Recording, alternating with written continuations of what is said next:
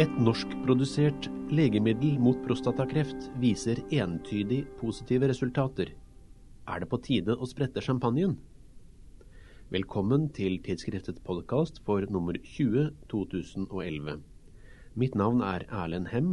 Jeg er assisterende redaktør i Tidsskrift for Den norske legeforening. Og jeg har skrevet lederartikkelen 'Børs rakett forlenger livet', som jeg nå skal lese. Mandag 6.6.2011 sendte det norske bioteknologiselskapet Algeta ut en gledelig melding. Utprøvningen av medikamentet Alfaradin på over 900 pasienter med prostatakreft hadde gitt entydig positive resultater. Studien, som opprinnelig var planlagt å pågå til 2012, ble derfor avsluttet før tiden. Vi er både glade og stolte, uttalte teknologidirektør Thomas Ramdal til Aftenposten. Dette er veldig spennende for oss, og ikke minst for kreftpasienter som kan få hjelp. De kan leve lenger, og de kan unngå sterke bivirkninger, sa han. Markedspotensialet er av blockbuster-format. Nyheten utløste en kursoppgang på 37% på Oslo Børs samme dag. Verdien av Algeta ved børsens stengetid var rundt 7,91 milliarder kroner, og de åtte lederne i selskapet kunne glede seg over opsjoner som ville utløst 320 millioner kroner i gevinst. Dagen etter hadde avisene førstesidetitler som 'Børsrakett forlenger livet' og 'Styrtrike på kreftmedisin'. Tre uker senere hadde Aftenposten en fem siders reportasje om saken. Avisens journalister rapporterte fra det avgjørende møtet i Chicago 3.6.2011. Thomas Ramdal og Gillies O'Brien Tear fra det norske kreftmedisinselskapet Algeta sitter i en korridor. Over 15 års arbeid og investeringer på 1 milliard kroner har ledet frem til denne korridoren, og til en avgjørelse bak en av de lukkede dørene. Timene går mens de to venter. Men de har ventet i mange år allerede. I tre år har nemlig 922 pasienter ved 140 sykehus i 19 land deltatt i testingen av selskapets medisin Al-Faradin. En medisin mot prostatakreft med spredning til skjelettet. Bare siste fase av utprøvingen har kostet en halv milliard kroner.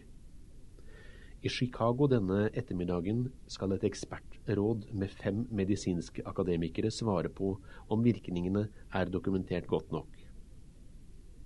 Som teknisk direktør og medisinsk direktør vet de to hva et ja fra ekspertrådet vil bety for det norske selskapet. Formannen i rådet åpner døren. De får klarsignal til å komme inn. Tre av ekspertene sitter i rommet de to andre er på videolink fra London. Beskjeden fra ekspertene kommer muntlig. Resultatene holder. Medisinen har effekt og forlenger livet til dødssyke pasienter med prostatakreft. Dere kan avslutte studien ett år før tiden. Ramdal ringer raskt til selskapets sjef Andrew Kay, før han like raskt avbryter Chicago-oppholdet han akkurat har begynt på, og drar tilbake til Norge. Dramaturgien er effektfull, konklusjonen krystallklar, klart for børsbonanza. Riktignok uttalte professor Sofie Fosså til avisen at hun ikke var like sikker som Algeta på den nye medisinen deres. Jeg er fremdeles litt skeptisk til disse resultatene. Jeg vil ikke gjøre medikamentet urett, men jeg skjønner det bare ikke, sa Fosså. Mens de som fikk placebobehandling under utprøvningen levde 11,2 måneder, overlevde alfaradinbrukerne i 14 måneder. Middelet skulle altså forlenge medianlevetiden med knappe tre måneder. Det kan virke beskjedent, men for pasientene kan hver dag telle. Mesteparten av fremgangen i medisinsk forskning foregår jo på denne måten, med små skritt som til sammen og over år gir større effekter. Dessuten forsikret forskerne at resultatene kan forbedres på mange måter ved å identifisere pasienter som er bedre egnet for behandlingen, komme inn tidligere i sykdomsforløpet, og ved å kombinere alfaradin med andre medikamenter. Alfaradin kan i prinsippet også være virksomt mot andre kreftformer.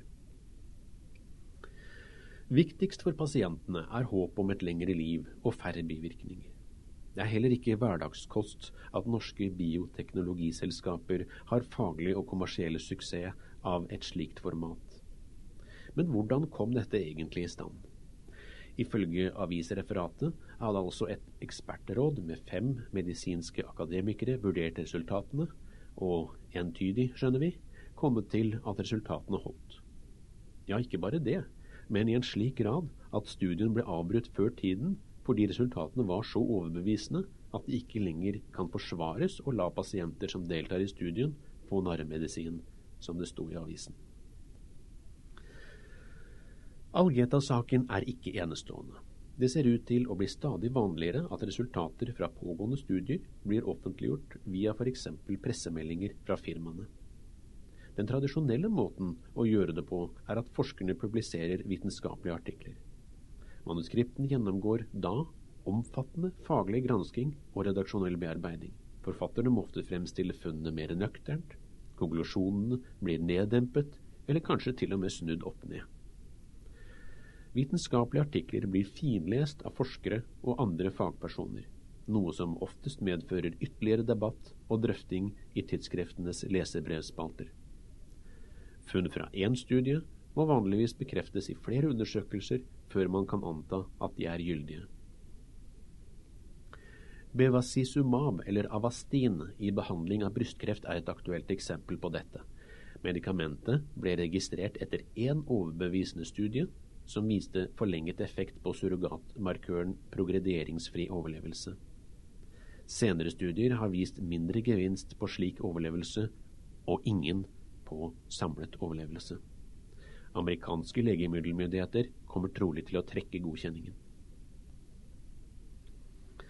Vitenskapelig publisering kan virke unødig kronglete og tidkrevende, noe som harmonerer dårlig med børsenes hektiske rytme. Problemet ligger imidlertid ikke her. Børser lever godt med rykter og mangelfull informasjon, men det gjør ikke kunnskapsbasert medisin. Det er mange måter vitenskap kan formidles og diskuteres på. Pressemeldinger og børsmeldinger hører ikke til dem. I slutten av august 2011 kom meldingen om ny kraftig kursoppgang for Algeta fordi Alfaradin var blitt innvilget såkalt fast track-prosedyre av amerikanske legemiddelmyndigheter. Dermed kan legemiddelet være klart for salg i USA tidlig i 2012.